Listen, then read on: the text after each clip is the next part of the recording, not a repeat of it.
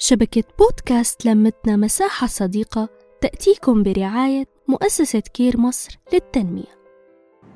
كل شي بالحياة اختيار يا سادة يا زيادة يا مزبوط.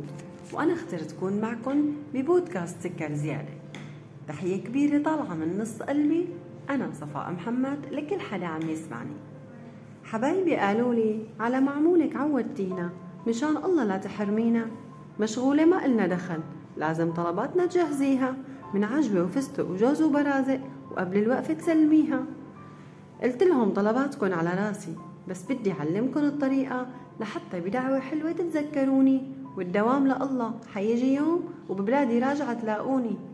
طريقة ستي وأمي بالمعمول معتمدة عليها من سنين وما بغيرها لأنه معمولي فرجة وهي شهادتكم فيها.